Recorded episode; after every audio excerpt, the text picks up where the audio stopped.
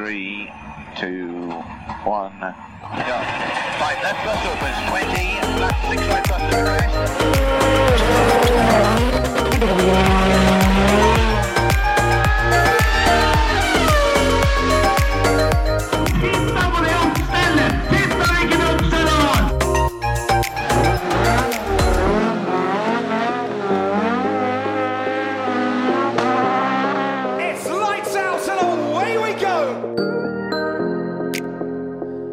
Ja, velkommen til den aller siste mai-utgaven dette året av Førermøtet. Og episode 20. Episode 20, det er jo faktisk litt jubileum. Ja. Hei. Hei. Ikke verst. Så gøy. Eh, I dag er vi fire mann her igjen. Det er Emil og Terje som vanlig. Og så har vi fått eh, storfint besøk av Jarl Teien. Velkommen. Takk skal du ha. Hva driver du med om dagen? Ja, jeg driver med simracing, som jeg har drevet med ganske lenge. Ja. Det er NASCAR det gjelder mest i, med G2 E-sport, som jeg driver med på den amerikanske siden. da. Mm. Det har jeg fått med meg litt om, at uh, du, uh, du kjører på forholdsvis høyt nivå der.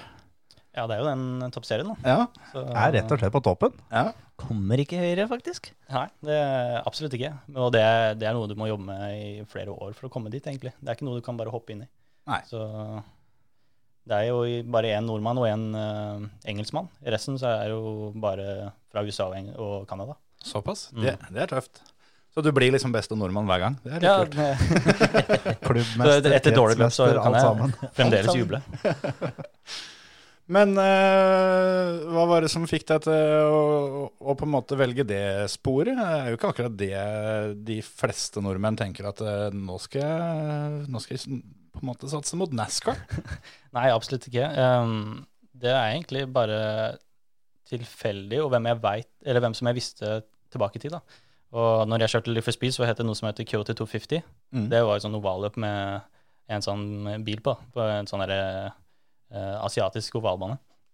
Og da, da ble jeg interessert i litt sånn ovalracing, da, så kikka jeg på iRacing når det kom ut. Og der var det mye oval. Mm.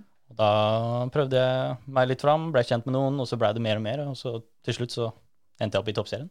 Ja, vips, så var du der. Ja, ikke sant? Hva, hva er det som skal til for å komme til toppserien? Det er ikke bare å si 'hello, jeg er fra Norge, dette her ser fett ut'.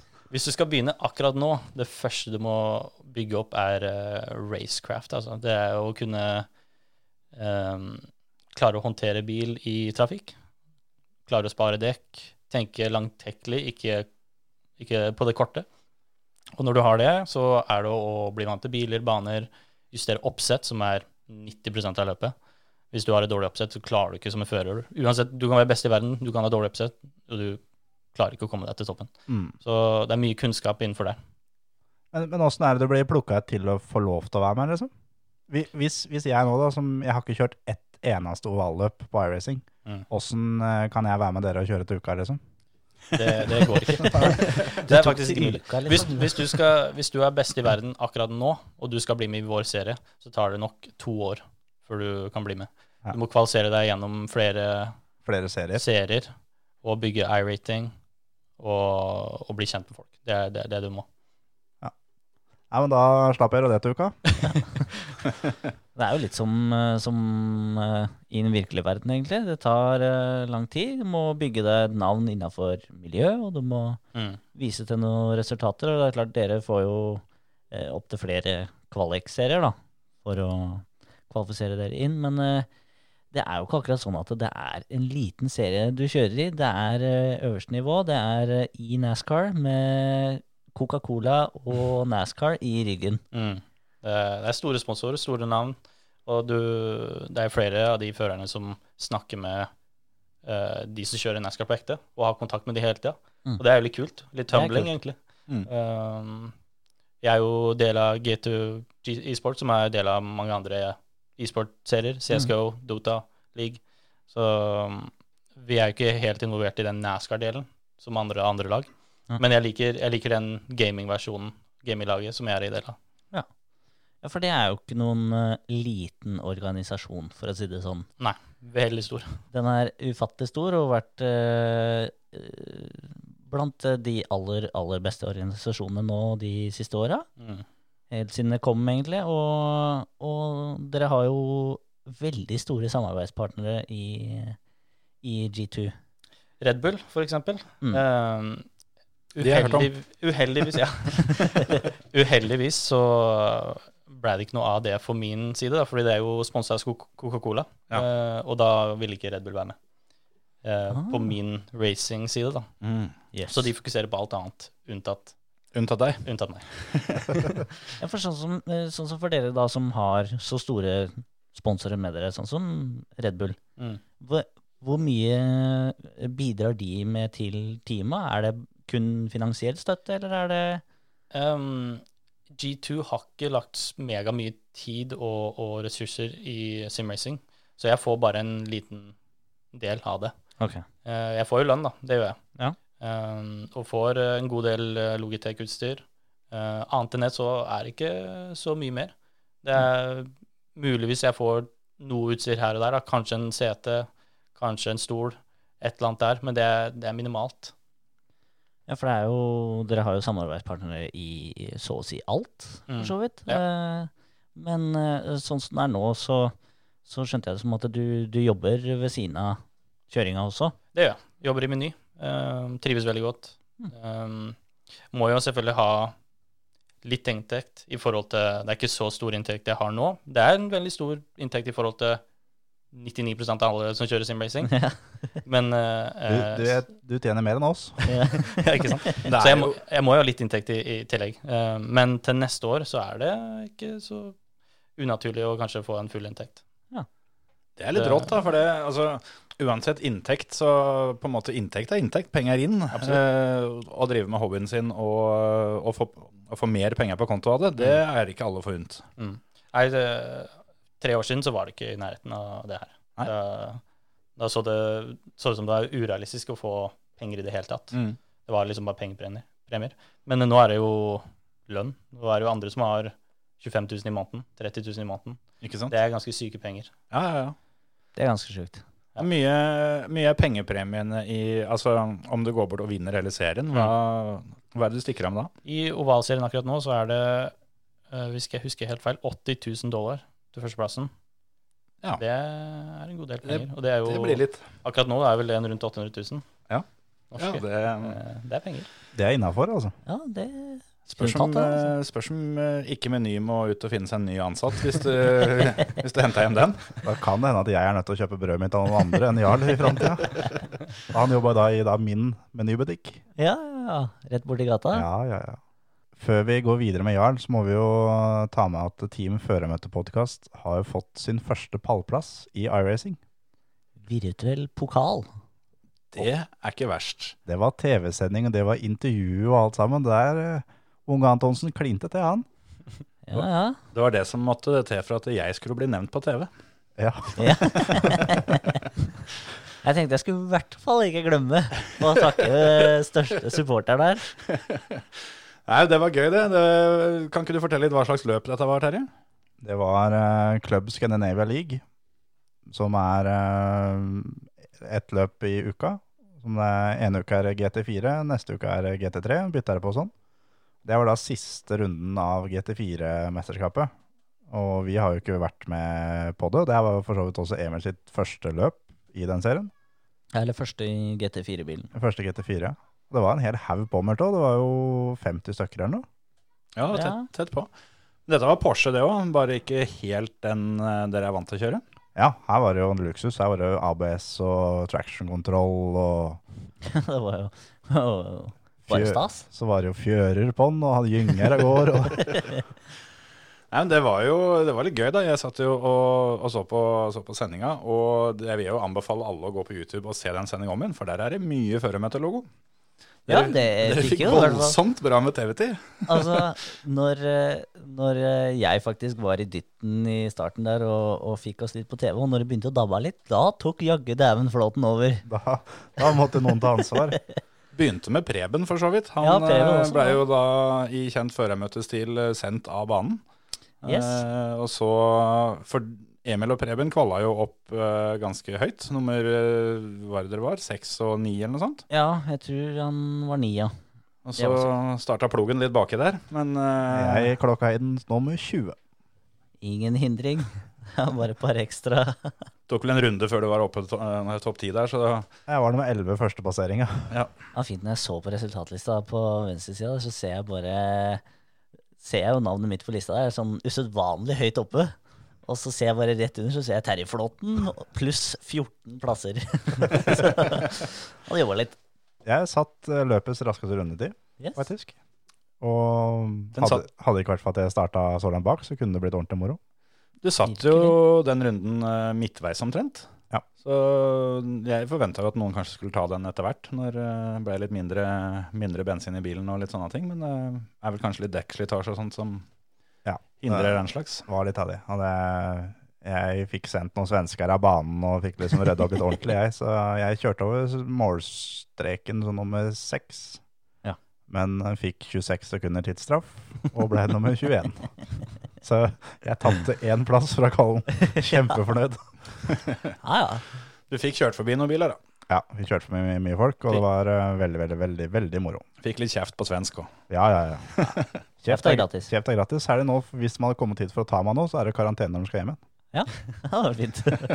Ja, så da hadde du fått bank i 14 dager? Ja, da måtte du kommet hit og tenkt deg 14 dager, og så hjem. Nei da, det var uh, Kjeft er gratis, det. Det var uh, Den ene var ikke meninga. Den andre var meninga, men den ene var ikke meninga. ene var for så vidt Den du ser på sendinga, den er jo hans feil. Ja. Han eh, mister ræva litt og tapper bremsen, og da var ikke pluggen mer enn 20 cm unna, så da, Da går det som det går, da da. var det bort med han. Det, det kunne vært unngått, sånn fra min side, men eh, han hadde irritert meg så lenge, så jeg gira tredjegiret det jeg så at han begynte å snurre. For å ha litt grann moment på det. Bare skyve. Åssen er bilen å kjøre? Er den understyrt? Overstyrt? Den er litt annet. Jeg hadde tenkt altså, å si at det så ut som begge deler. Ja, det er det. Så det, men det er kul, da. Høres ut som det er moro å kjøre. Ja, Det er veldig kult, for han, er jo, han beveger seg så mye, så når du bremser, så går liksom bare fronten bare går ned. Og treffer en curb, så går liksom bilen bare sånn og hopper og danser og spretter lenge En etterpå. båt. Ja, ja, rett og slett. Det er litt sånn en litt bedre versjon av Mastan, omtrent, Ja. syns jeg. Og så merker jeg veldig at den er tung. Ja. Det er en tung bil. Det liker jeg plogen. Det liker jeg, vet du. Rett fra bilcross. Men eh, jeg tenkte på det at eh, du har jo da tydeligvis ikke kjørt denne bilen. eh, men Nei, den har jeg ikke prøvd.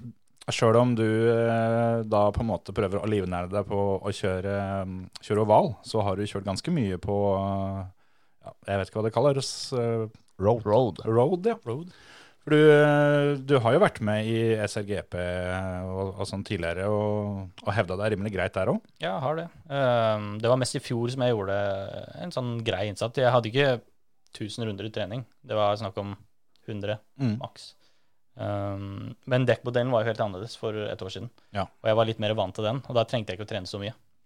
Men nå i år så har den blitt helt totalt annerledes. Det er mye mer vanskelig å kjøre nå. Syns jeg, i hvert fall. Mm. Da, da krever det ganske mange runder for å bli vant til det og justere seg. Mm.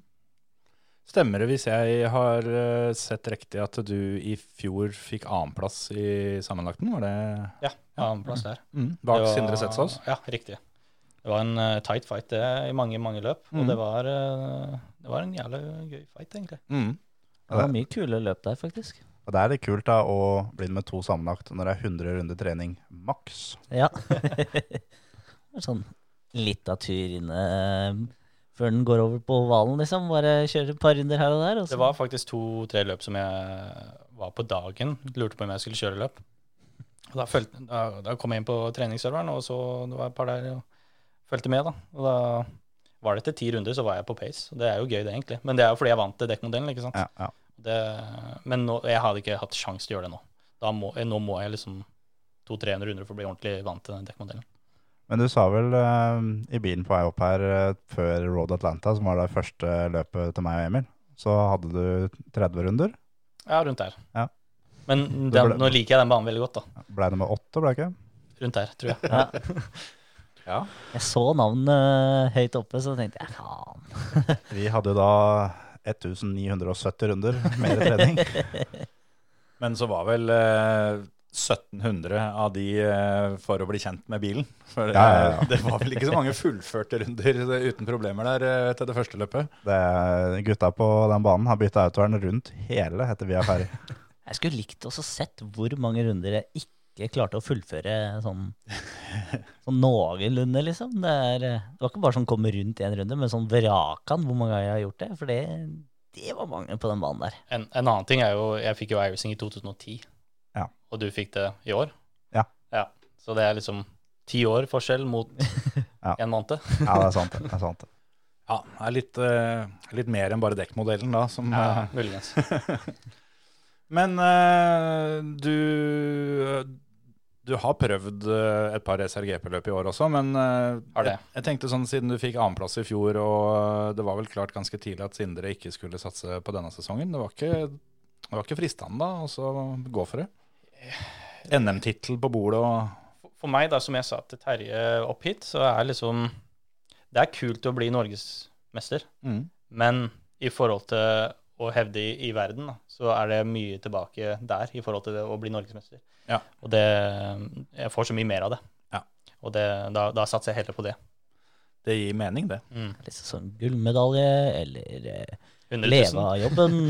ja, det, det er jo litt sånn eh, SRGP er helt, helt fantastisk. Topp. For, Veldig gode førere. Mange gode førere. Det er det.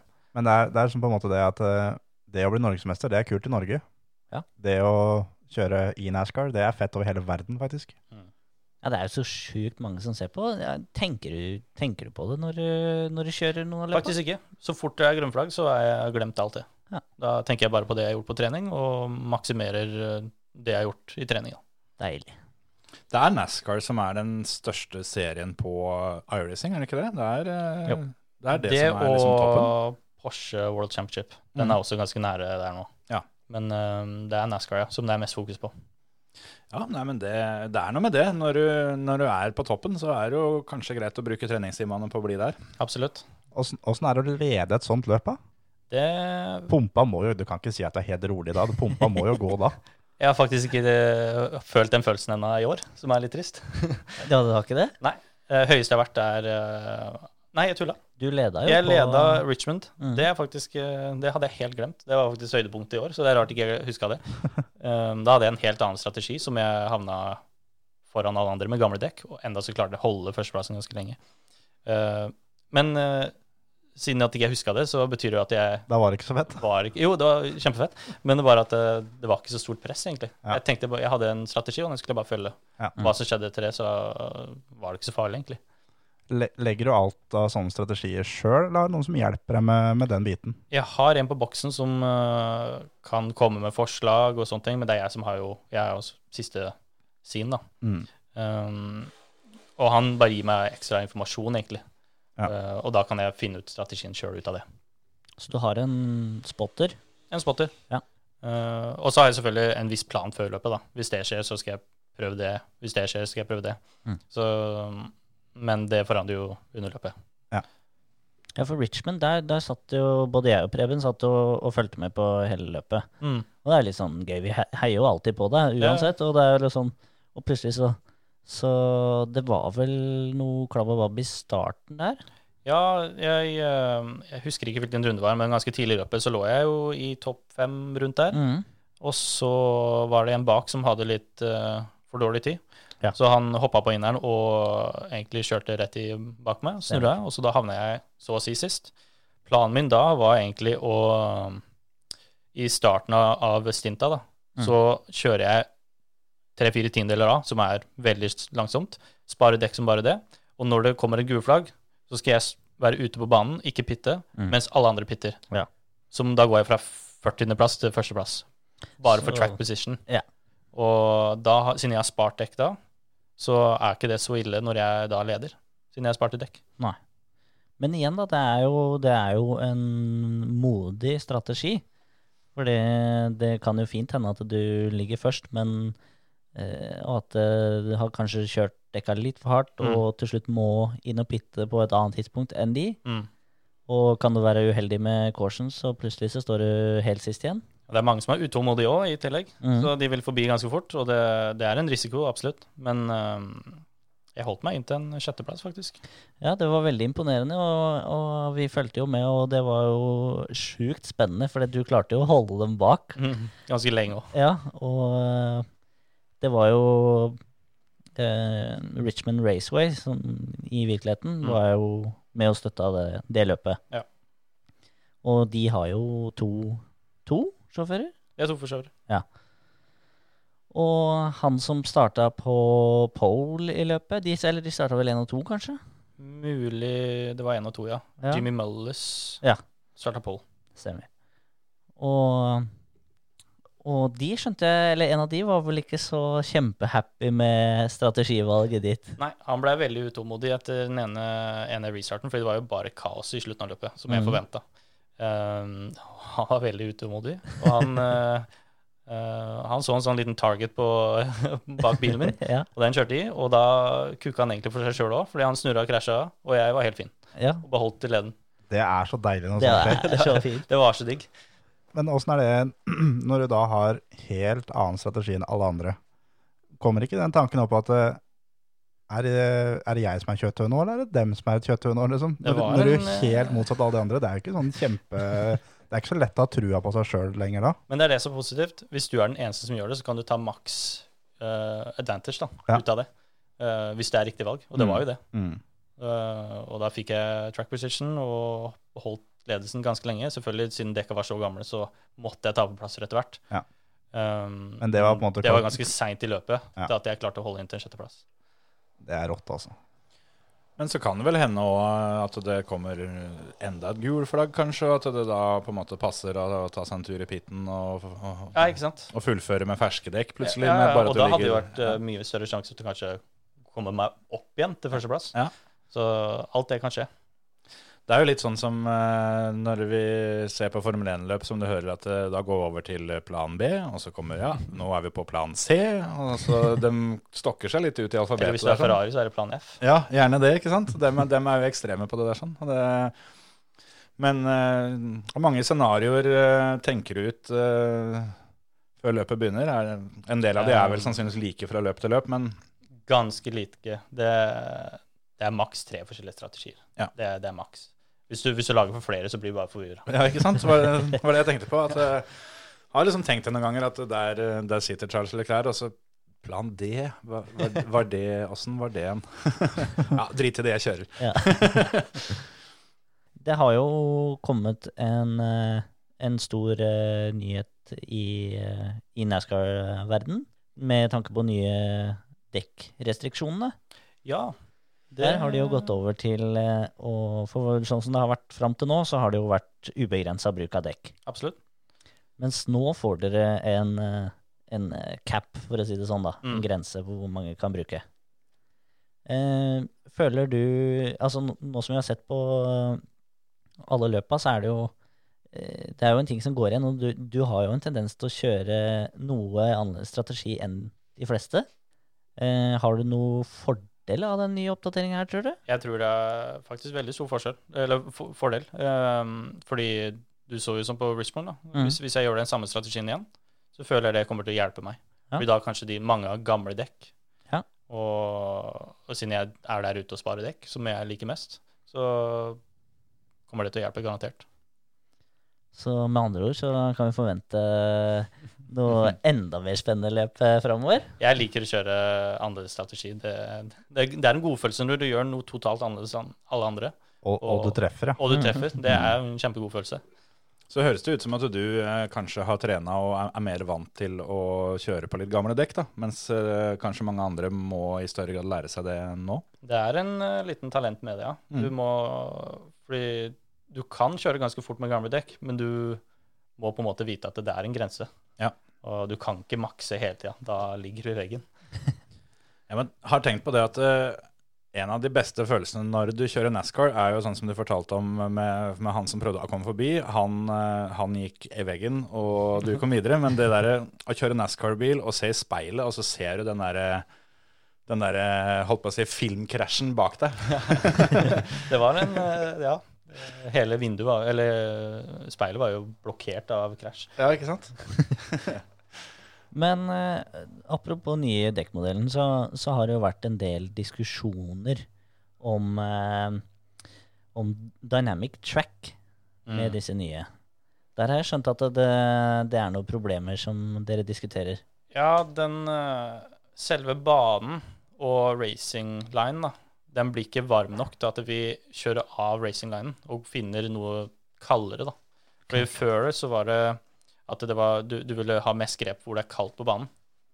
Og da ville, da ville racing line bli varm, og så går du opp banen for å finne mer grep. Men det skjer ikke nå, fordi nå er uh, der det er um, um, grep, da, der det er racing line er nå, og den blir ikke varm nok til at vi søker etter mer okay. grep. Så det er rett og slett det at dere vil ha, ha det sånn at dere må justere dere i løpet av løpet. Ja, før, før så var det det, og nå klar, kan de ikke justere. Du må følge hvor gummien er. Okay. Hvis ikke du følger gummien, så er eh, dekka de, de blir for varme, rett og slett. Så med andre ord så blir det Nå er det umulig å kjøre to wide og tre wide og Ganske vanskelig. Spesielt på sånne der eh, raske baner. Eh, Richmond så var det sånn halvveis mulig å ligge litt høyere opp, men på sånn veldig raske baner sånn som Charlotte og Atlanta og sånne ting, da kan du ikke kjøre en annen linje. Det går ikke. Altså, øh, for oss som øh, Nå har vi ikke fått lura Terje inn i ovalene ennå, vi prøver å lure den inn der, men øh, Det er som jeg sa til Jarl i stad, jeg har kjørt et sånn dirt-oval. ja. Da starta jeg først, leda alle rundene og kom først til mål. Så da statsa mine på dirt-oval, det er 100, 100 og 100. Så jeg kan, jeg kan ikke kjøre mer, jeg. Nei, men dirt oval og Dirt-oval er fett, det er bare én lang sladd. ja, men, og, og asfaltoval, det er to forskjellige stats, det. Der kan du ikke sladde, for å si det sånn. Nei, men da er det ikke noe gøy. Da gjør jeg ikke. Eller du kan, men det, Ja, men da, det- da ligger du sist. Da er da er det strike. Jeg har sett at, uh, at Lynet McQueen lærer seg det. At uh, det går an der òg. Følg, følg det. ja, ikke sant? Men jeg lurer egentlig litt på åssen var det du begynte med simulator, sånn helt fra starten? Det var eh, ved bruk av Live for Speed, Mm. som du har også vært innom. Mm. Eh, det var egentlig helt tilfeldig. Jeg tror du var inne på en sånn derre Trackmania-forum, som jeg fikk vite om det. Var Trackmania òg, ja? Ja, det var Trackmania. Fett. Jeg husker ikke når jeg begynte med det, men det var i hvert fall en eller annen forum som var eh, snakk om Live for Speed. Og da kikka jeg på den sida der, og så begynte jeg at jeg lastet ned demoen. Og så fikk jeg krangla med mamma at jeg fikk en S2-lisens. og um, ja, Kjenner meg igjen. Kjenner meg igjen. rest is history. Ja, for det var ikke sånn at du det var ikke sånn at du ikke fikk deg noen meritter i Live for Speed-karriere heller? Altså, tenker du på suksess? Ja, altså resultater, da. Ja, jeg, jeg fikk to gode resultater. Det var Live for Speed Kart mm. uh, i 2011 og 2014. For der vant du. Der vant jeg de to seriene. Og det var ganske mange gode førere, sånn som Rudy Van Buren var der, og mm. Isaac Price, Simon Cattell. Ganske gode førere innenfor, innenfor der. Det var vel den tida hvor Østgård også Ja, jeg tror jeg faktisk kjørte serien også. Det tror mm. jeg. Så det, det er ikke sånn at du Det er ikke nå i de seinere åra du har begynt å kjøre fort. Jeg har kjørt fort lenge. Eh, jeg, vil, jeg vil tro at jeg har eh, bygd en god basis på å gjøre bra til nå, egentlig.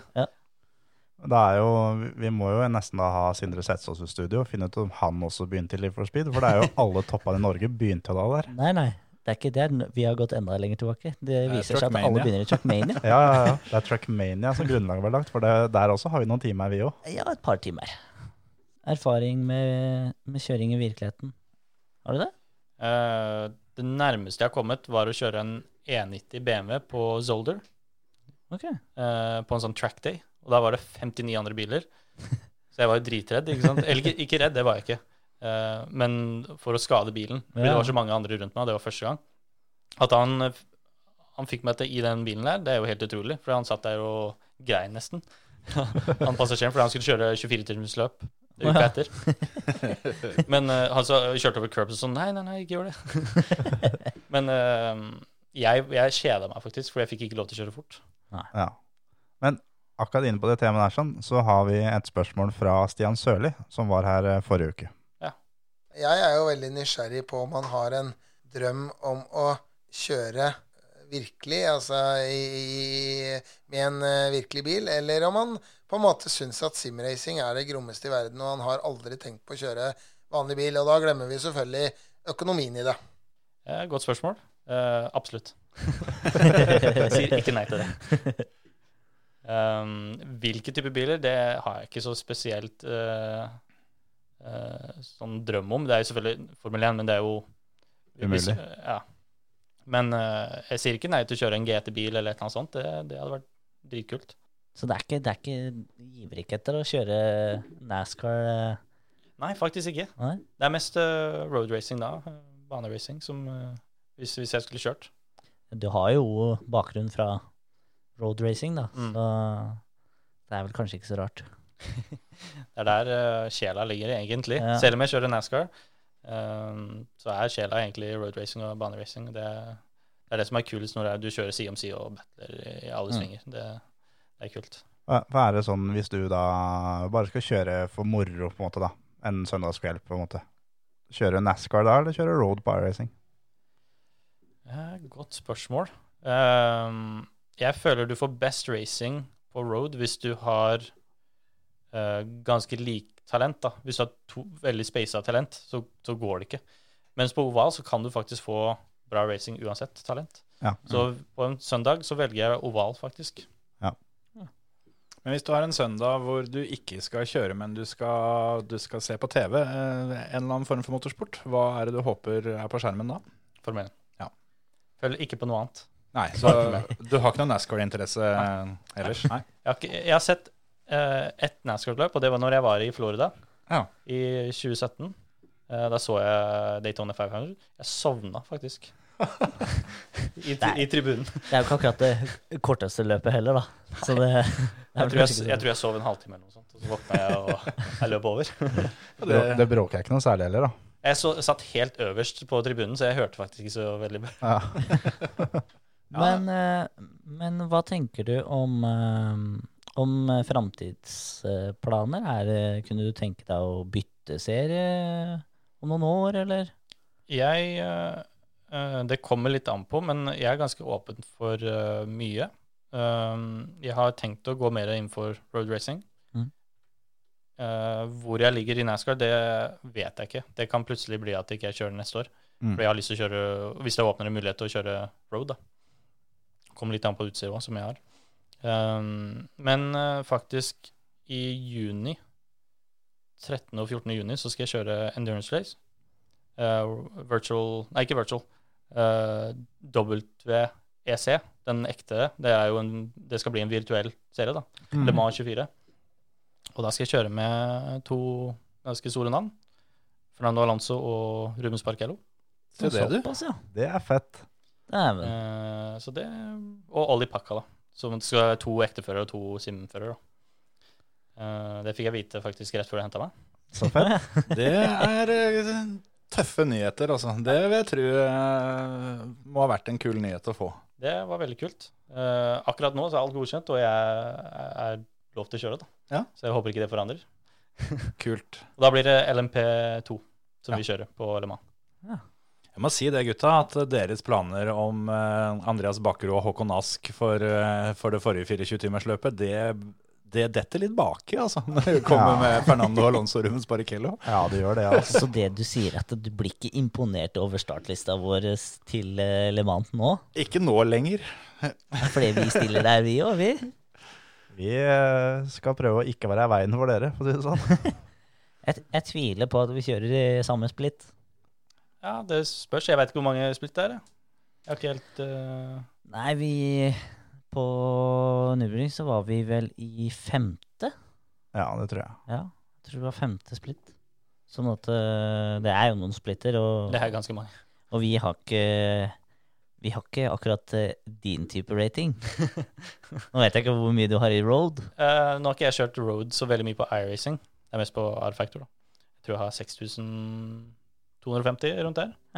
Nei, men det Det er Nå så jeg på Terje at han ble litt irritert. Kan legge sammen min og Emil sin, og vi mangler fortsatt 2000-3000, tenker jeg. Ja, faktisk. ja.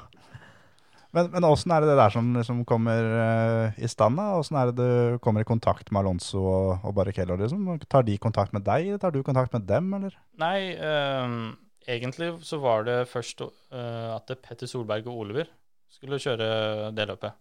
Men så backa han ut. Og da var det snakk om at det kanskje jeg skulle bli med mm, Jensen Button, og at han hadde et lag. Men så var det ut, da fant jeg ut at det, det var ikke lov til å legge til en femte person. Og da han som jeg har kontakt med, da, han prøvde å få meg inn i et nytt lag. Og da åpna det seg på Alonsos lag, da. Tøft. Og jeg sier jo ikke nei til det. Ja, nei. Nei, den, den er vond å si nei til. Altså. Ja. Da, da skal du koke opp en bra unnskyldning, føler jeg. Sånn det, alle bursdager, de utgår. Bursdager, konfirmasjoner, bryllup. Begravelser, den eh, går kanskje foran. I hvert fall din egen, men, Ja, eh, men stort flere veit jeg ikke, altså. Jeg, jeg beklager, men jeg blei sjuk i dag, jeg. Hvis- Hvis Alonso leder og jeg krasjer bilen, så kanskje det blir be- begravelse. Ja, for det er jo eh, Det, det er jo én ting at du, at du skal kjøre sammen med dem, men eh, nå er jo du, du, som Emil var inne på litt tidligere, vant til at det er ganske mange som ser på. Men eh, det blir jo litt fokus på, på det teamet der òg, vil jeg tro. Det vil jeg tro. At det, kanskje det er en av de største laga i, i, i sånn fokus. da. Mm. Og det, mm, det er jo litt press, da. Men jeg har faktisk ikke slitt med press i de siste to-tre åra. Og det er noe jeg er veldig glad for. Mm. Jeg får ikke nerver. Jeg veit ikke om åssen det der fungerer, men uh, i og med at det er en god del team med forholdsvis profilerte førere, om det er sånn at dere blir putta litt sammen, kanskje, for uh, underholdningas del. Men eh, det er vel fare for at du kommer til å kjøre mot en del eh, tunge navn der òg. Og absolutt. Og du vil ikke være den som driter deg ut og kjører på en, en annen stort navn. Jeg tok bilen til Fernando Alonso da, og så drusa jeg Jensen Button av veien, liksom. Det, det var helga mi, da. Åssen har det gått med deg? Da er det liksom ikke all Per er god Per. Nei, det kan hende det. Kan hende det blir et par nyhetssaker, da. Men eh, Skal dere kjøre samme klasse, eller gutta? Nei, nei. det er ikke vi gamle nok til. Nei. Det skal sies at jeg, jeg ble vel egentlig satt på den eh, jobben å prøve å finne en bil. Av de jeg fikk en liste av åtte biler. Eh, test disse, og eh, finn den som er tøffest. Og da var det jo eh, LMP-klassen som var eh, eh, de første bilene som ble testa. Mm. Men etter å ha kjørt Audien, så, så kjente jeg at dette er greit, vi slipper. Fordi ikke hørte jeg når jeg skulle gire, og den var jo helt lydløs. Jeg, jeg ble redd bare av å se på. Og det gikk så jævlig fort. Fy faen. Jeg vant til fart, altså, men den der er, det har så downforce. Mm. Vi, vi havna i GTE Porsche. Det er jo greier å kjøre den nå. Glad i Porscher. Porsche er fint. Du nevnte jo da Petter og Oliver. Du har jo coacha Petter litt, og er kanskje mye av grunnen til at Petter gjør det såpass bra i forskjellig simracing. Ja, nå driver han med Legends, da. Legends Trophy, som er innenfor uh, R-Factor 2. Mm. Det er også en god del store navn. Ja, Og det er jo der Alonso er, og det er jo, det er jo der vi kommer til å kjøre det 24-timersløpet, da. R-Factor 2. Um, men i hvert fall på noen av de løpa Petter har kjørt, i hvert fall tre siste, så har jeg coacha han. Og han fikk jo pole position i siste løp. Det var jo Indycar på Indianapolis. Mm. Da fikk han pole position og over Jensen Button og Alonso, som er egentlig dritgode på det. Eh, men han var veldig uheldig i løpet og ble krasja på. Ja. Så litt kjedelig det, men han er i hvert fall takknemlig for hjelpa, da. Åssen er det å lære en så dyktig sjåfør på ekte eh, noe han egentlig ikke kan? For det, Vase simracing er jo noe som eh, Du er ikke god på det bare fordi at du er god til å kjøre bil langs veien, på en måte. Åssen er det å, å prøve å lære en det? Det er jo litt rart, da. Men det, det, det som er med simracing, det er så masse små detaljer som ikke, du, du tenker ikke på, som er liksom egentlig bare simracing-ting. Og det er de du prøver å lære han, da. Og, og han lærte det egentlig veldig fort. Han tok det veldig fort. Så det er tydelig at han veit hva han gjør, Mm. og hvordan å ta, inform ta informasjon og bruke det. Og så er det veldig tydelig at han går veldig inn for det. At når han først gjør det her sånn, så gjør han det ordentlig. Mm.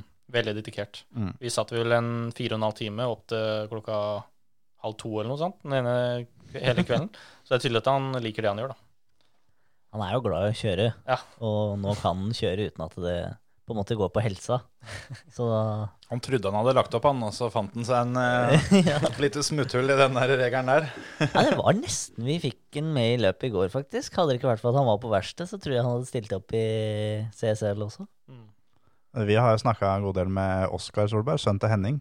Og som sier at faen, Petter, han spiller hver dag. Hver eneste dag spiller Petter. Det er det flere som gjør. Jo, jo. jo da. Vi kan ta et spørsmål fra Carl Fredrik Hershaug. Han eh, lurer på hvor glad er du i ditt gamle Logitech-ratt? uh, nei, den, eh, den går på bålet snart. Det, det mener jeg å huske at du, det var noen trusler om det i et SLGP-løp her eh, tidligere i våres. Uh, ja, det var uh, etter Suzuka, så var jeg lite fornøyd med det rattet. Så mm, Nei, det, med den bilen der så er det så vanskelig å få den hva skal jeg si, kontrollert, da. Og med et G29-ratt, selv om det er veldig bra for prisen, så henter den ikke opp alle de små detaljene. Så det er umulig å spare dekk og være rask samtidig. Med mindre du har 1000-2000 runder, og det har ikke jeg tid til. Men der er det i hvert fall, eh, eller sannsynligvis flere som meg, som tenker det at eh, når du kjører på det nivået du kjører, også G29 eh, Det henger jo ikke helt sammen, gjør det det? Nei, det gjør ikke det. Så absolutt, jeg må fokusere på å få et bedre ratt. Ja. Uh, og det er ikke umulig at jeg får det veldig snart. At jeg kommer til å få det veldig snart. Det, og hvis jeg skal gå til et bedre ratt, så er det ikke sånn der halvveis. Det, det er all in. Ja. Det er det beste rattet som jeg har lyst til å ha. Mm. Det er litt sånn som deg, Emil. Ja, men jeg gikk jo riktignok ikke for det beste rattet på markedet. Nei, nei, nei. Det er jo, du får noen som er eh, ikke bare ett, men et par hakk gråvere enn uh, Fanatec sitt, har jeg skjønt. Uh, men uh, det var jo Jeg husker det var jo noe av det første jeg lurte på når jeg sendte deg en melding, var eh, Altså, jeg visste jo du var uh, Logitech-partner, Mm. og, og tenkte at de må ha et eller annet sånt luringratt eh, som, eh, som er noe helt annet, men som ser likt ut, eller et eller annet sånt. Ja, det har jeg faktisk spurt. Jeg har spurt om de har eh, noe ratt eh, på G, men det Nei, faktisk ikke. Nei. Litt kjedelig. Eh, om de hadde vært eh, litt mer, satsa litt mer på simracing og litt sånn, da, så Mm. føler jeg de hadde gjort det bra med kanskje et hakk bedre ratt. da. Mm. Jeg tipper jo sånn som for uh, Logitechs del, så er det jo det at det, det er liksom den entry-pakka til Det det eh, der. De når liksom ut til bredden. Ja, og de selger jo sikkert så vanvittig mye ratt. De tjener nok mer penger enn eh, de bedre ratta. Det gjør de absolutt. Og det er klart, for at det, det blir jo på en måte alle, og som du har lyst til å bare kjøre litt uh, rally med, med chasecam, liksom, så, så kjøper du G29, liksom. Men, eh, men skal du gå inn for å ja, bli verdensmester i, i e-NASCAR eller eh, i Porsche-cupen, så, så kanskje du kjøper Simcube eller et eller annet. Du, du kan gjøre det bra med G29. Det kan du. Mm. Du må bare sette deg ned og bruke veldig mye tid til å vite hva bilen gjør i alle situasjoner. Mm. Og det er jo dedikasjon, det er det. Ja. Men hvis du skal kjøre flere sesonger, da, eller se, flere serier, mener jeg, samtidig, Ja. så er det litt vanskelig med G29. For du må konstant justere deg til forskjellige biler, forskjellige serier. Føler du på en måte at du har kommet deg litt på det nivået nå at du kommer deg ikke noe videre med G29? At du liksom har nådd eh, toppen på en måte med det utstyret du har? Det traff jeg for et år siden, føler jeg. Ja. Et år eller et, et og et halvt år siden, rundt der. Da følte jeg at eh, nå må jeg oppgradere. Ja. Og enda har jeg ikke oppgradert. Det er derfor jeg ville kaste den rett i bakken. Får bare sørge for at det går sund snart, sånn at du bare må. Da har jeg en unnskyldning. Ja. Men eh, øvrig utstyr, eh, er det på samme nivå, eller har du ting på stell eh, på den biten? Du har tre skjermer og Tre skjermer har jeg, der. men jeg har ikke noe uh, sånn triple rig. Det har jeg ikke. Jeg, jeg har en rig, men den skyver jeg bare under bordet. Så de tre skjermene står oppå bordet. Mm. Og så har jeg en sånn Simlab-rig som jeg har festa sammen høsten kveld sprintpedaler. De er jo veldig bra. De er jo veldig solide i forhold til G29, da. Mm. Jeg føler du kan være mer consistent. Ja. Um, men uh, PC OK, 1080 Ti.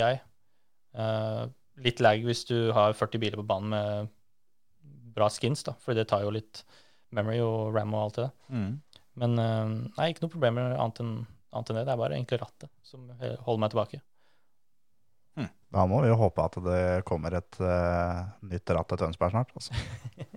Håper på det sjøl. Håpe at de kjører feil, altså at de kjører hjem til meg først.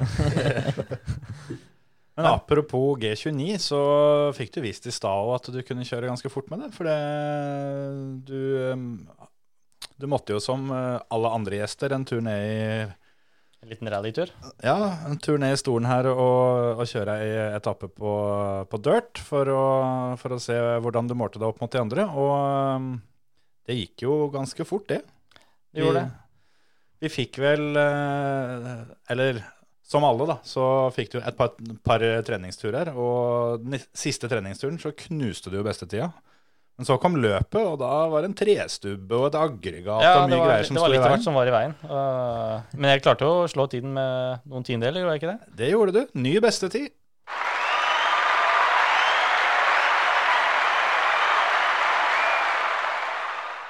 Ikke noe vondt om Stian Ormestad, altså, men endelig så er han nummer to. Det var deilig, Stian. Den har stått uh, siden vi starta, vel. Han var vel førstemann uh, som var ute og kjørte. Førstemann i stolen. Og da, han hadde da 3.13,7. og Du med snurring og aggregat inn på 3.12,9. Det er uh, sprekt, det, altså. Du, eh, du kommenterte vel da, så fort du var ferdig, at hadde jeg fått én tur til, jeg skulle jeg kjørt på 3.06. Og, så- og så gjorde du det. Gjorde det rett etterpå. Men det er 3.12-tida di som eh, blir stående, så eh, da får vi se da hvor lang tid det tar eh, før eh, noen andre kommer og, og hevder seg der. For den uh, 3.13-tida, den har stått lenge, altså. Så nå, nå blir det spennende å følge med framover. Jeg, jeg hadde jo håp om først når Tor Anders kom, altså, som driver med simracing, tenkte jeg sånn, nå, nå ryker han. Det er Når Tommy kommer, da ryker han i hvert fall. Og så endelig, da, så røyk han nå. Så ikke bare øverst, men øverst av uh, simracerne også.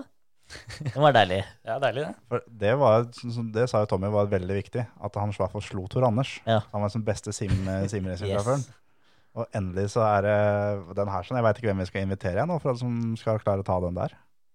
Nei, det kommer, ja, eh, kan du, har du dirt i det hele tatt? Jeg eh, tilfeldigvis kjørte på søndag Det på det. den banen der, bare i revers. Så jeg Ja, hadde ok. litt erfaring, så det er litt tilfeldig. Men uh, det er jo totalt annerledes med. TV-skjerm og det er, jo, det er litt ratt, da, men uh, pedalen er jo Veldig forskjellig. veldig forskjellig. Så det, nei da, men da, da, da får vi se da om ikke vi får lura Setsås eller noe inn i studiet, da. Så får vi se om du får noe fight. Det var spennende. Spennende. Ellers må vi få Carl Fredrik Hershaug er jo på tide å få hit snart. Han er vel på tide å få inn snart. Vi må jo finne noen eh, sånne dirt-spesialister da, som, som Det er kjører noe det, det, Det- er forholdsvis mye. Da, da ryker den verdensrekorden jeg har satt òg. Ja, Vi, er nødt til å- vi er nødt til å være smarte hvem vi Ja. ber inn her nå. litt, eh, litt taktikk får være lov. Det er vel ikke så fælt lenge før vi eh, får avsløre litt hvem eh, bil og bane der og sånt òg, så kan folk få lov å trene litt hjemme. Men inntil videre så får dere se på disse videoene vi, vi eh, har på Facebook-sida vår, så får dere se hva dere finner ut sjøl. Vi har også fått eh, flere spørsmål fra folk, bl.a. annet da fra Preben Valle, som vi kjører sammen med i teamet vårt. Han skriver at eh, det hender at det går en kule varmt i chatten under løp. Åssen er stemninga blant førerne innad i serien? Der er det noen, eh, noen ord eh, i ny og ne. Um, nei, det, det var mye verre i fjor, faktisk. Men eh, det er jo hva, hva sier de på engelsk? Tempers flare. Mm. Så det er, mm, det er mest det og, og, de som racer hardt mot hverandre. De blir litt sånn Hvorfor er du så utålmodig? Hvorfor kjører du hardt nå? Det er liksom runde tid. Så mm, det er mest der, men det, det, det kommer i ny. Ellers så er det ganske rolig, egentlig. Det er sikkert litt sånn som den ragen eh, som jeg ofte har når jeg kjører løp, med folk som begynner å sperre i runde én og Ja. skal kjøre 23 runder til, liksom. Ja, og så er det jo på ovalen så er det 200 runder til, da. Ja. Hvorfor kjøre hardt på runde én? Ja, det, jeg, hadde, jeg, jeg hadde ikke klart det. Jeg hadde klikka. Det, det er jo noen eh, karakterer da i denne serien, Ja. kan man jo si. Man kan jo eh, Jeg vet ikke om du, du har noe mer backstory på dem, men sånn som eh, Malik Ray, for eksempel, er jo en eh, spennende type. Han er eh, Hva skal jeg si? Han viser følelsene sine, det gjør han. Ja. Han, uh, han streamer jo selv, og jeg har sett på noen av streamsene hans eh, etter løpet. Mm. Og han, uh, han sier meningene sine. Det gjør han. Ja, for det, er- vi har jo gjerne hovedsendinga på, på TV-en, og så Mm. er vi innom litt streams og sånn på, på telefon. og Det er gøy å få med eh, inn på innsida av bilen og, Ja, og høre litt eh, hva som blir sagt og sånn. Men eh, det, er jo, det er jo noen spennende, sånn som eh, Sånn som eh, Keegan Leahy, for eksempel. da. Mm. Sitter i den gamle Chevrolet-stolen sin og, og kjører eh, Det ser ut som han sitter i kongestressless. Deilig. Det ser ganske digg ut, da. Ja, men det er no, noen av de så har jo utrolig setups, og så er det andre som har eh, ratt bunna på bord. Liksom, det er liksom veldig variert hva folk har. Mm. Den eh, dagen det kommer en fyr med håndholdt kontroller, da, da gir jeg meg, altså. Da legger jeg opp. Han som sitter og trykker sånn der Trykk, trykk, trykk. trykk, Ja. trykk, trykk, trykk. Sånn fullt ratterslag eller ingenting. Venstre, venstre, venstre, venstre, venstre, venstre. Men åssen har eh, serien eh, blitt sånn etter at det ekte NASCAR-teamet har liksom begynt å involvere seg? Merker dere noen stor forskjell på det? Jeg merker uh, mye mer aktivitet på Twitter. Det er Ja. liksom veldig mange av de ekte førerne som tar interesse av det. Og det er jo kult, og det får jo serien til å bli enda større. Mm. Um, og det er bare positivt, det. Ja, Du har jo ikke, det er jo ikke sånn at det ikke er noe, noe store profiler med. Du har jo sånn som uh, Junior Motorsports, for eksempel, Mm. med Dale Earnhardt jr., og du har jo Denny Hamblin har jo team, og Absolutt. sånn at eh, det, det er jo litt spesielt å se når eh, vi ser på livesending at det er Air Jordan-bil utpå der, for eksempel. Det er litt sånn uh... Det er litt kult. Og hvis du, hvis du har sett på noen av de ekteførerne, ekte førerne, de sitter jo faktisk og ser på løpa, og streamer seg selv, ser på de løpa. Ja. Og det er jo litt kult. Da ser de liksom De, de viser interesse i, i eh, sine emotions, da. De, mm, de satser jo på sine førere. Og det er litt kult. Det er veldig kult.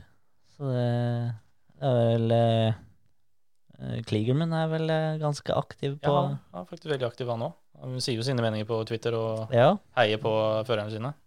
så det, det er moro. Men apropos det med, det med teamet, så har vi også fått et spørsmål fra Sindre Setsås, eksempel, som, eh, som da vant SRGP i fjor foran deg. Eh, han sier flere team i serien kommer ikke fram i rampelyset, sånn som Inex og Slip Angle med flere. Er det urettferdig mot de som har vært her i alle år, eller er avtalene med de nye så gode at man ikke kan klage? Um, I begynnelsen så syns jeg det var litt urettferdig. For det er jo noe man har jobba med i eks- for eksempel, å komme seg inn i serien. Og så får du ikke noe utbytte av det i selve serien. Du får ikke vist fram Inex. Men uh, vi har funnet ut måter for å få litt utbytte av det. Ja, For å få litt PR likevel. Ja, ikke sant. Um, men det er ikke så mye vi kan gjøre, nå, egentlig. Og dealen er jo egentlig ganske grei òg. Men um, nei, det, sånn er det bare, egentlig. Jeg tenkte på det mens dere kjører. eh, Det er jo ganske mange biler og en del team. Hvor mange er i det teamet du eh, kjører for? Alle teams har to førere. Ja. Så dere er, ikke, dere er ikke en hel gjeng som kan på en måte samarbeide og Altså, altså bak, se, altså bak um, kulissene så er det jo litt sånn samarbeid. Noen lag har jo uh, litt samarbeid. Ja, sånn at ett eh, team uh, er litt mer kompis uh, enn et annet team. Sånn Ja. at, ja. Sånn på altså G2 og hva skal jeg si uh, Denny Hamlin sitt lag, da. Mm. Det er ikke sånn samarbeid. Det er mer bak kulissene at de, det, Inex fin, finnes jo ennå, og Slip Angle finnes jo ennå. Mm. Og det er på en måte de lagene som samarbeider, da. Og ikke G2 og et annet lag. Mm. Så det er ikke sånn at uh, det er som i virkeligheten at uh, Chevy-gutta uh, passer på å få Chevy i front, Nei, og Toyota skal skal ha de opp, liksom. Det, Bryr meg veldig litt om. Men, men oppsett i NASCAR er jo fryktelig, fryktelig viktig. Og der har, jeg skjønt, der er du ganske, du er ganske tungt inne og bestemmer ditt eget oppsett og bygger det sjøl. Det gjør jeg. Eh, det er noe man lærer over tid. Og det er mye trial and error på å finne ut hva som er raskt. Og så må du selvfølgelig vite hva, hvilken bane så fungerer det, hvilken bane fungerer det. Og opp til nå egentlig så har jeg bygd alle oppsetta selv og lært det selv.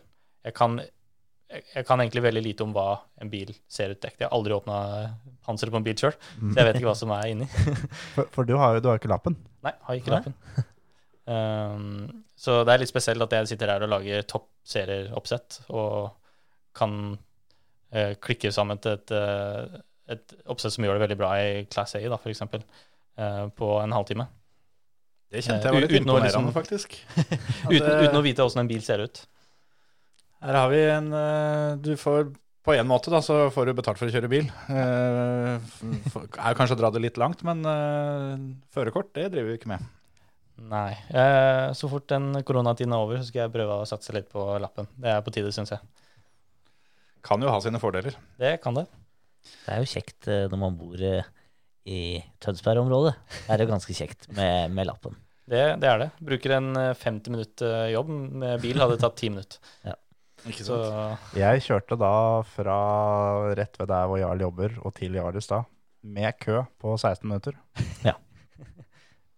Det, det, det hadde hjulpet litt med lappen. hadde det.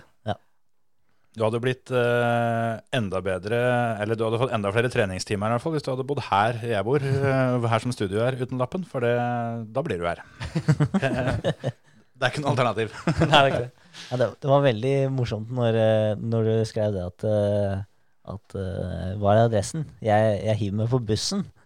og så sa, sa Terje i chatten her at, at du hadde tenkt å hive deg på bussen, men det var kanskje da, Ja, det her var jo i går. Seg, ja, da måtte han komme seg av gårde, og da sa Kjetil at det, da tror jeg dessverre han allerede er for seint ute. Ja, den bussen gikk klokka ni om morgenen, så Ja. nå, nå er det ikke noe mer. Da må jeg gå.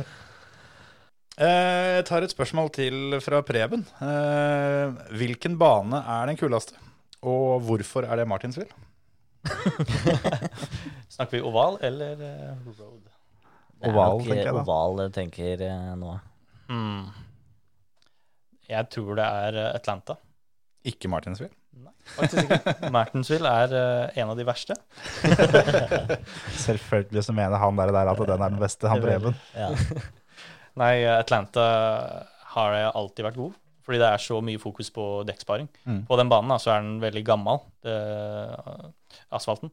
Så den eh, ødelegger dekka ganske lett. Så alt er om å spare dekk. Og det er faktisk løpet nå på fredag. Mm. Så har eh, store sjanser til å gjøre det bra, tror jeg.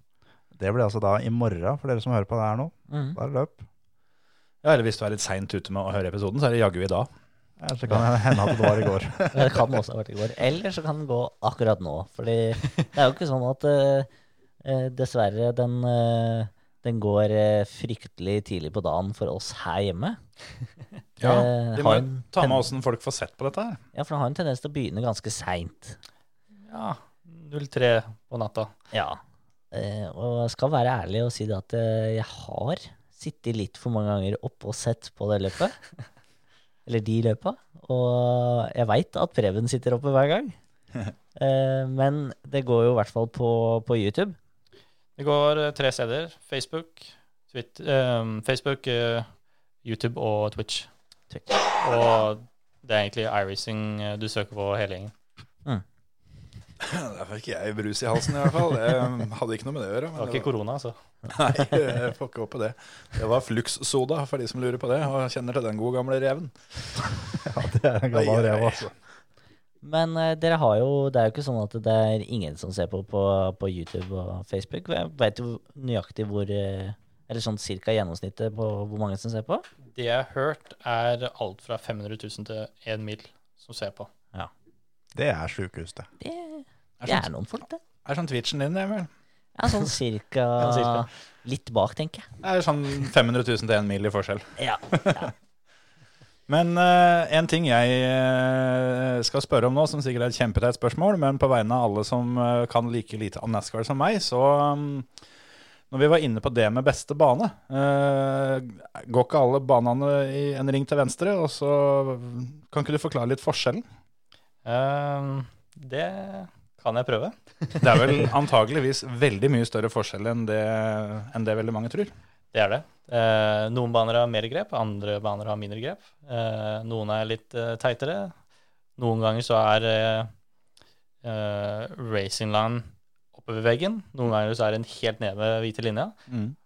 Og så er det det med, med strategier, lengde på løpet, alt det der. Det er liksom hele pakka, da. Så du må jobbe hele tida med å bygge oppsettet rundt det. Mm. det. Det er veldig vanskelig å forklare også. For det er, du, det er sånne små detaljer som er forskjell på hver bane. Mm. Det er ingen baner som er dønn likt. Det, det er, selv om de ser veldig like ut, så er liksom alle forskjellige. Stor karakterforskjell. Mm. Ja, men det er jo kjekt å vite. Det, det var noe som sa meg at det var sånn det var. Altså. Jeg bare tenkte at uh, hvor stor er egentlig forskjellen? Er det, er det sånn at eh, Sånn som du sa, at eh, det løpet som går denne uka her, da, Ja. at eh, det gleder du deg litt ekstra til? Eh, Det gjør jeg. Hvor mange løp har dere kjørt? Hittil Denne nå er vi på åttende løp, som kommer opp nå, tror jeg. Ja. Hvis ikke jeg husker helt feil. Åssen har det gått i de sju første? Første løpet øh, var det egentlig bare et drittkjedelig løp, fordi det gikk jo grønt hele veien. Ja. Så jeg, min strategi var egentlig å henge bak og være taktisk og vente vente på krasj. Det kom aldri, som er ganske uvanlig. Så jeg endte på en 30.-plass eller noe sånt. Mm. Uh, fordi, som sagt, jeg forventa krasj. Mm. Da må Det- du på et eller annet tidspunkt faktisk gå inn og bytte de dekka, men fra en veldig dårlig posisjon. Ja, altså Daytona er jo en av de løpa hvor vi faktisk er bongas hele tida. Så det er bare draft og sånne ting. Ah. Og da er det jo som sagt en big one som man venter på hele tida. Mm. Som det er et stort krasj. Det kom faktisk aldri. Så det var liksom vanskelig å hente seg inn og kjøre forbi alle på slutten av løpet. Mm. Og 30. på plass, det var vel det beste jeg kunne. Ehm, etter det så har jeg Jeg tror jeg har en tiendeplass, sjetteplass på Richmond. Uh, og så har jeg en ellevte eller tolvteplass, jeg husker ikke helt. Resten så har jeg hatt veldig sånn mellomløp, sånn 20., Mm. 23.-plass, 24., 25. Det er sånn midt på treet. Så jeg ligger på en eh, 17.-plass i, i standinga nå, og ut av 40. Mm. Så det er sånn OK, føler jeg. Åssen eh, åssen stemmer det med tanke på målsettingene du hadde før sesongen begynte? da? Er er det på en måte helt, eh, helt ok, som du sier, eh, med status så langt, eller? eh? Mm. Målet mitt var egentlig topp ti, Mm. å holde meg der. Men i, i forhold til litt den uflaksen jeg har hatt i noen av de løpa, Mm. som jeg kunne fått en topp fem, som jeg fikk 25.-plass isteden, Mm. så føler jeg det er OK. Uh, jeg har på en måte maksimert det jeg kunne i forhold til uflaksen. da. For det er vel sånn at de, de 20 beste der også blir eh, værende igjen i serien. De beholder lisensen mm. mm. og blir vi- videre til neste sesong. Og de 20 dårligste går eh, ut og må ned i kvalikserien. Ja. Eh, sånn det fungerer, da, så er det en, sesong, eller en serie som går hele året, som heter eh, Road to Pro. Mm. Og da trenger de ikke noe lisens, da trenger de bare I-rating og skaffe poeng. Okay. Topp 20 av de får en lisens, pro-lisens, som fighter mot de uh, laveste 20 da, av uh, i NASCAR. Ok. Og de fighter i en pro-serie.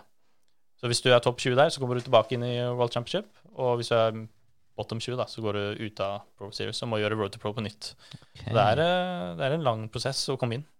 Så du har en slags fallskjerm eh, på å holde deg i eh, toppserien. Ja. Du, du, du må bånd 22 ganger. Det må du. Mm. Og det skal jo litt til, da. Og hvis du er dedikert og klarer deg, så er topp 20 ganske lett, egentlig. Mm. Åssen føler du nivået har endra seg de siste par uh, åra, og kanskje spesielt eh, nå i det siste som uh, altså Det er vel kanskje bare her til lands at det virkelig har eksplodert. Det har vel vært stort lenge i USA, kanskje, men har, uh, har, har det blitt vanskeligere? to siste åra har det skutt opp i, i uh, forhold til hvor mye tid blir satt inn i det av folk. Mm. Mm. To år siden så kunne du kjøre halvveis OK, kjøre på 20.-plass hele, hele tida, Mm. og komme på en tiendeplass i championship. da. Ja. Men uh, nå, hvis du kjører halvveis OK hele tida, så er ikke det bra nok. Da rykker du ut. Du rykker ut. Mm. Før da et sånt løp, uh, en NASCAR-løp, hvor mye trening er det? Det er ikke noe trening, i og med at da banene er ja, på en måte så enkle, da. Det er to ting jeg fokuserer på i, når du snakker med kjøring. Det er å maksimere på nye dekk og kontrollere på dårlige dekk. Det er de to, to tingene jeg fokuserer på. Men 99% av tida mi er å bygge oppsett. Ja. Da trykker jeg to ting på oppsettet, kjører 30 runder for å finne ut uh, overall-tiden. Og så går jeg tilbake til pits, klikker mer, kjører 30 nye runder. Og så gjør jeg det om og om igjen til å maksimere min beste 30 eh, gjennomsnittstid, da. Ja. Det, det krever mye tid. Ja, det gjør det jo. Men det er jo på en måte Det blir ikke Det er jo trening, men det blir fortsatt ikke trening. Nei, måte. ikke sant? Fordi du på en måte vet ganske tidlig hvor god du, eller hvor bra du kjører. Det er jo ikke en vanskelig bane å kjøre, en ovalbane.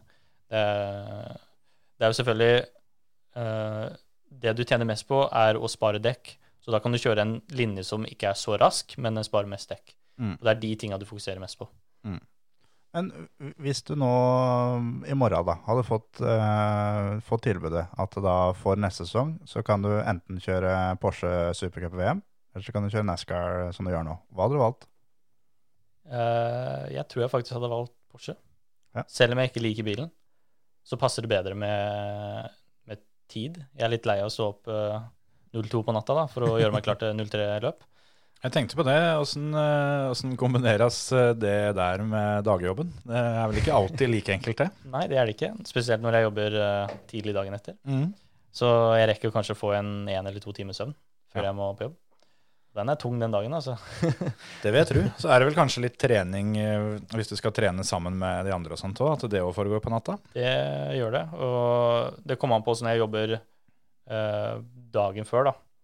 Om jeg jobber kveld eller om jeg jobber dag. Hvis Mm. jeg jobber kveld, så er det jo ekstra ille. Mm. For da Jeg jobber alltid dag dagen etter. Ikke sant? Så da blir det veldig lite trening samt lite søvn. Mm. Så eh, Men jeg prøver å få en liten lur før løpet, bare for å få litt søvn. Mm. Så ikke det er så ille på jobb dagen etter. Ja, nei, det er litt sånn sært det der. eh, De andre skal ut og kjøre. Men eh, nei, du skjønner, Jarl han kan ikke være med i dag, for han, eh, han må sove. Ja, jeg har spurt noen kollegaer om de kan ta skifta mi noen ganger. Og det, de skjønner at jeg driver med simracing, og de sier ja et par ganger. Og det er hyggelig. Det er godt det å eh, ha litt folk rundt seg som Stille er opp. med. Ja. Men er, men er det sånn at du kommer til å gjøre noe seriøse forsøk på å komme deg en høy serie i road?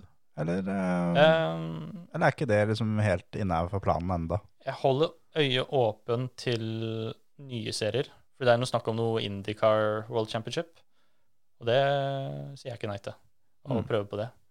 Uh, da, jeg vet ikke om det er blanding av oval og road, ja. eller om det er bare road. Det vet jeg ikke. Men jeg, jeg sier ja uansett, ja, om, det, om, det blir, om det blir det. Ja. Så skal jeg prøve å satse på det. Jeg ville vel tro at hvis det skulle kommet, så hadde de følt sånn som eh, noenlunde de kjører i vanlig IndyCar, tenker jeg. Ja. Så det, det hadde vært kult. Jeg tenkte på det med tanke på, på Inascaren, og, og det, er jo, det er jo road course der òg, da. Det er det. Er det sånn at du gleder deg ekstra til eh, det hvert år? Det gjør jeg. Eh, I 2018 så var jeg eh, på vei til å vinne løpet, egentlig. Um, men så ble jeg kjørt på Som sagt, i oval så er det veldig sånn der bump and run-type kjøring. Og det, det skjedde med meg, da, og så havna jeg på andreplass. Men uh, alle de løpa der, så er det ikke alle som er like gode på road. Ja. Da tenker jeg alle de der road-løpa er på en måte en, en uh, automatisk topp tre, føler jeg. Uh, og nå er det to roadløp, tror jeg. Ja. Watkins Glen og um, Charlotte Road, eller Roval, da. Så det, det er to kule løp som jeg gleder meg til. De løpa blir det trena litt til, eller? De satser jeg på veldig. da er det jo som sagt bare, bare trening. Det er ikke så mye oppsett. Mm. Det er jo litt oppsett, selvfølgelig, men da er det mest eh, å bli god på å balansere bilen, for den er jo utrolig vanskelig å kjøre. Det var neste spørsmål. Hvordan i helvete er dette her å kjøre på road course? Det er jo en vanvittig sprek bil. Det er det. Det er som å legge på en sånn megamotor med to tonn. Det er liksom Det kjøres som en kjempebåt. Det, det er jo, den er jo ikke akkurat eh, bygd for å gå på road courses. Nei, det er den ikke. Bremsene fungerer jo ikke i det hele tatt. Du må bremse to mil før liksom svingen. Da. Det er ikke så gøy. Nei, Jeg vil tro det at, eh, at flat bakke og, og høyresvinger og alt sammen, det er jo ikke det den bilen er bygd for i utgangspunktet. Så det blir litt annerledes. Så det er jo absolutt eh, de som gjør det bra der, de har gode talent. Bobby Zelenskyj eksempel er dritgod på road. Eh, han kjører jo faktisk eh, Porsche-bilen i World Championship, så Mm. han veit hva han gjør. Mm. Han er jo alltid konkurrent der. Var det, var det han som stakk av gårde med seieren? Det var det. Men når du, når du kjører da i, i NASCAR, da, uh, har du noen førere som du misliker å fighte med? fordi du, de ikke er så ålreite? Eh, godt spørsmål. Eh, jeg har hatt sånne der perioder hvor jeg ikke liker en person, men jeg liker alltid å gjøre opp etter løpet Mm. for å gå på en god tone. Jeg liker aldri å ha en sånn derre rival, da. Ja. For da, det vil alltid kuke meg i løpet. Ja. Så alltid etter løp, hvis jeg har et problem med noen, så snakker jeg det ut med den. Eh, og det har hjulpet meg ganske lenge. Har, sånn motsatt, da, har du noen som du digger å fighte med og kjøre mot, og som når du er eh, altså, sammen med dem akkurat på banen der, at du Mm. vet at det her blir fett, det her blir kult? Eh, Keegan. Keegan kjører veldig bra, egentlig. Spesielt eh, med meg. Jeg vet ikke om det er bare meg han gjør det, eller om det er alle. Men i hvert fall hver gang jeg kjører med han, så er det liksom Begge gir mye rom, vi fighter bra, det er fair. Hjelper Hjelpe hverandre, rett og slett? Ja, egentlig. Mm. Og det, det gjør det jo mye gøyere. Men når du kikker i speilet og ser at det er bil bak, da, det er det vel store deler av tida, men eh, er det da sånn at du innimellom tenker at å, fanken, det er han bak, ja. Nå, nå blir det spennende. Eh, det går fra løp til løp. Det kommer an på hvor raskt de er. For Ja. det er noen team som er raske, som har lyst til å komme gjennom feltet fort. Mm. Som kanskje har et bra oppsett, men har kanskje kuka strategien eller noe sånt, og veldig keen for å kjøre forbi. Mm. Så det er ikke en spesifikk person, det er mer hvem som er rask for den, det løpet. da. Ja. Og da er jeg veldig sånn very, da, at eh, jeg passer på at eh, de kommer forbi. De kommer til å kjøre forbi meg garantert uansett, så da Ja. bare lar jeg dem kjøre forbi. En annen ting som jeg tenkte du kunne forklare for, eh, for sånne som meg, er bump draft. Det har jeg fått høre litt om denne, denne våren her, og det, det syns jeg er litt fascinerende greier. Så kan ikke du fortelle litt åssen det fungerer? Hva det, hva det er for noe? Hva skal jeg si? Hvis det er en som er rett bak da, og, og dytter den andre, så har én bil hva skal jeg si, eh, luft på fronten, og han andre ikke luft. Ja. Så han har ikke noe drag. Og da går bilen fortere. Og da er det egentlig bare to motorer som jobber mot én uh, dirty air Ja. uh, istedenfor to. Så det er sånn det fungerer. Men Det er, det er eh, Luftmotstanden gjelder bare for den bilen foran. Ja, sant, men den bilen bak har da ikke noe motstand og oppsi full kraft. Men uh, i det meste annet så vil jo den bilen bak eh, Den vil jo hives ut på sida og kjøre forbi. Men i NASCAR så er det ikke bestandig sånn. Nei, uh, på to baner da, så er det jo Daytona og Talladega. Da er det jo uh, de banene som går bong, bong gass. Da er jo bump traft og slipstream alltid en stor del. Dere har jo, dere har jo som i virkelig bil nå, det er jo, det er jo Bilen er jo avhengig av luft. Det er det. Hvis ikke så koker det, rett og slett. Ja. Og så det må jo spesielt da på, på Talladega og sånn, må jo det være en eh, ganske stor Vi, hindring. vi ligger på grensa hele tida. Hvis ikke den blinker rød, så gjør du noe feil. Okay. Men du vil ikke ligge og blinke rødt for lenge. Nei. Så vi, vi kan jo legge på teip foran på bilen, Mm. og da går den jo mye fortere. Og der er vi på, på grensa, altså. Det, men hvis de ikke er på grensa, så går den treig. Ja. Så du må være på grensa, og det er, da må du konstant kikke ned på den uh, blinkende røde uh, oil temperature, da, som det er. Mm. Men- det, det er akkurat som når jeg kjører bilcross. Hvis ikke oljerampa lyser sånn mot slutten av dagen, da har jeg gjort noe gærent den dagen.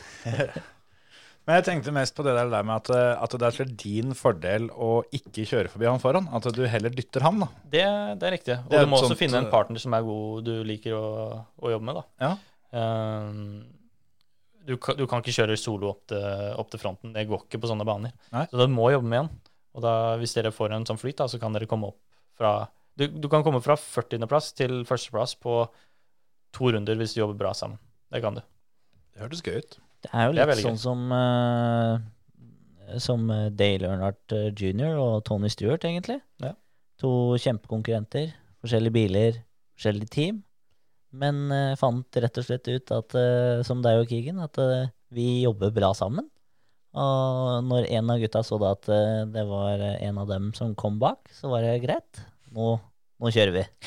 Skal vi til fronten. Og så blir det litt som i ekte racing på bane, da. Eh, bare at her blir det mye, mye heftigere, selvfølgelig. Men der er det ofte det at eh, hvis du tar igjen noen, og du merker at eh, han kjører såpass fort at vi kjører faktisk fra han bak oss, så er det best for meg å bare være med han fram, Mm. istedenfor å kjøre forbi, som da igjen gjør at han bak kommer forbi, og så blir det en svær mølje, og da reiser de foran der igjen, de reiser ifra. Og i NASCAR så blir det jo enda mer sånn at hvis dere begynner å fighte skikkelig, så reiser jo resten. ikke bare taper du tid, men du taper dekkliv òg. Mm, Og det det. vil jo gå utover eh, resten av stinten. Mm. Ja ja, Nei, det, det må prøves en gang. Det er Absolutt. frykt, Anbefales. fryktelig gøy. Og jeg og Preben eh, kjører jo litt oval. Og eh, vi har ikke kjørt så mye nå, for nå har det vært så mange andre løp og, og greier. Men, men uh, helt klart, når det var på Talladega, da, da kom jeg litt seint i ene podkast-timen her. For da, da ble det litt cautions og sånn som jeg ikke håpa på. Men eh, det var jo Talladega i trøkk, da. Å ja. Ja, ja, ja. Og der er det ikke akkurat sånn at uh, det er så lett å bumpdrafte. Nei, når du er rett bak noen, da, så ser du ingenting. Fordi den uh, ræva på bilen er jo kjempesvær.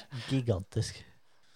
Nei, det må være, som i så mye annet, kanskje litt bedre å være han som står bak og dytter, enn en enn han foran. Det, det, det må være litt guffent å, å bli skivd, da.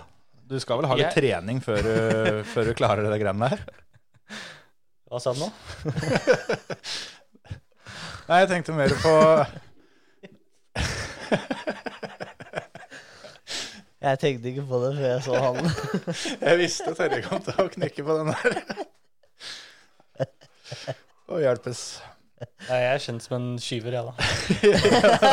Det var det, var det jeg skulle fram til, egentlig. At det, at det må være litt ubehagelig å være han som blir skyv. Det har jeg ikke noe erfaring om. Noen liker det å si. Nei da. Next. Jeg lurer litt på, når du starta sesongen, hvor realistisk er å vinne? Eller er ikke det realistisk sånn før første løpet, sånn vinne hele dritten? Og for meg å vinne det sesongen nå Ja. Som, som før du starta, tenkte jeg at eh, i år så kan jeg faktisk ta det. Eller er, Det- går ikke den tanken i Du, huet, du kan være best i verden med best oppsett og ha fremdeles ikke sånn størst sjanse til å vinne. Det, det er så mye å si uh, hvor consistent du er. Hvis du konstant er sånn topp fem hele tida, da, så har du veldig god sjanse. Mm. Og det er, ikke, det er ikke om å gjøre å være raskest, det er om å gjøre å være smartest. Uh, jeg føler topp fem er mest realistisk for meg hvis jeg skal makse. Ja. Å vinne, det er liksom en drøm, egentlig. Ikke så veldig realistisk. Men det gjelder for alle, egentlig. Hvor, eh, hvor irriterende er det egentlig å så se sånn som når eh, Ryan Lusa nå har eh, hatt liksom fulltreffer nå Var det tre helger på rad? Du har tre helger på rad. Ja. Det, det gjør jo litt eh, Det må jo være litt irriterende. Det, det er det, men han, uh, han veit hva han gjør. Absolutt. Ja. Eh, han er ikke nybegynner. Så han er utrolig god på å spare dekk, og det er det som er mest Mm. viktig i år. I fjor så var det ikke så viktig. Da var det mer å maksimere grep på dekka. Ok. Og da kan du utnytte dekka mye mer og være aggressiv. Men i år så kan du ikke være det, og da er han veldig god på det. Han er veldig god på å spare dekk når du trenger det. Ja. Og det, spesielt på slutten av stints, da, så kjører han jo to-tre tiendedeler raskere Ja. enn alle andre. Bare kjører fra. Ja, for det er ikke så ofte du ser at uh, folk klarer å få så god luke Mm. i NASCAR. Nei, det er Eh, veldig teit. Men, uh, men han klarer liksom alltid å få strekt det litt. Og når du får en liten luke, da, så kan du gå i din egen modus og bare Mm. fokusere på det du gjør. Og det gjør jo det ekstra ille for oss, da. Og bra for han. Kan dere gå på en sånn eh, smell som eh, når Tommy Østgaard var her, så fortalte jo han at de endra dekkmodellen bare noen dager før et VM-løp. Eh, Er det noe som kan skje med dere òg, eller? Um, det kan det. De er litt sånn løse på å prøve nye ting. Litt for fort, egentlig. Jeg syns det bør være kanskje to uker på oss, da, bare for å bli vant til det. Mm. Men eh, det skjedde på det ene løpet hvor de forandra Nå husker jeg ikke helt hva de forandra. Det var vel noe dekkgreier, det òg, egentlig. Og da forandra de de fem dager før. Ja. Det er litt kjedelig når du har sittet og bygd oppsett i 20 timer, og så forandra store deler av det. Men øh, vi justerte ganske fort. Ja. En ting som jeg lurer litt på, som jeg vet også flere andre i, nye da, i simracing-miljøet i Norge jeg lurer på, de vet jo nå at uh, Tommy Østgaard er uh, en av verdens beste, Sindre Setz også en av verdens beste. Uh, hvordan er du på tempo i forhold til de to? Hadde du hevda deg like bra som de to i Porsche-serien med samme forberedelsene? Jeg føler hvis jeg hadde satt meg ned og være dedikert, god utstyr, bra oppsett, så føler jeg ja. Jeg føler jeg hadde vært topp ti. Det absolutt. Men nå er jeg jo litt selvsikker og litt, egoistisk, men det må man være, føler jeg. Jo, Det jo. må du. Da, Det er litt kjedelig å si at nei, jeg er 35.-plass. jeg, jeg hadde svart nei, jeg hadde vunnet hele dritten. Men jeg er veldig realistisk, det er jeg. Jeg sier ikke her at jeg sitter og vinner, det, men realistisk så er topp ti en mulighet. Det, Mm. det tror jeg. Realistisk hadde vært å ja, følge tempoet til Tommy og, og Sindre, da. Det tror jeg. Mm. Det tror jeg. Føler du at det blir eh, enklere å dedikere mer tid og, og satsing på simracing nå som eh, statusen tar seg opp eh, såpass mye som den har gjort i det siste? Det er nå det er viktigst å vise seg fram, da. mm. Nå som øynene er på simracing. Mm. Um, det har jo fått en skikkelig boost nå pga. Ja, Mm. korona. Og jeg har jo fått masse kontakter, egentlig, Mm. etter Alonso, Button. Ja, Ikke sant? Det er jo sånne ting som jeg aldri hadde skjedd hvis ikke det hadde vært for, for, for de mulighetene vi har nå. Ja. Så um, veldig god mulighet. Hvor ser du for deg at, eh, at Jarl Teien er om uh, tre år? Det er kanskje litt lenge i simverden, men uh, litt, uh, litt titt i spåkula. Jeg håper jeg har en fast stilling innenfor simracing, om det er coach eller om det er lagleder eller hva det skal være. Jeg håper jeg har en fast stilling med god inntekt, og jeg håper jeg har vunnet en toppserie. Det, det er det liksom jeg satser på. Det er ledig stilling som eh, coach i Team Før jeg møtte podkast. Altså, det er ikke så godt betalt, men det er, det er, stillinga er ledig. Sånn, er eh, hvis du har for mye fritid. Ja, da vet jeg det. Hvis du går lei av, av Barrichello, Alonso og de gutta der, sånn, så, så, så har du du- Det er det er neste på lista. ja. Da kan du ta et steg opp til oss. Ja, det er riktig. Jeg lurer på om vi skal si at det får være bra med det, og så ønske deg eh, alt eh, av hell og lykke i denne ukas løp. Takk for det. eh, Og, Takk for og sesongen som kommer. Og ikke minst de tre åra som kommer. Så får vi, får vi ta deg inn igjen om, om noen år, når du, når du er helproff. Helproff, ja. Takk for det. Takk for det. Da har vel ikke vi så mye mer å si, vi heller, gutta? Har vi ikke det? Nei. Det er bare å si ha det, vel. Ha det. Ha det. Hei da.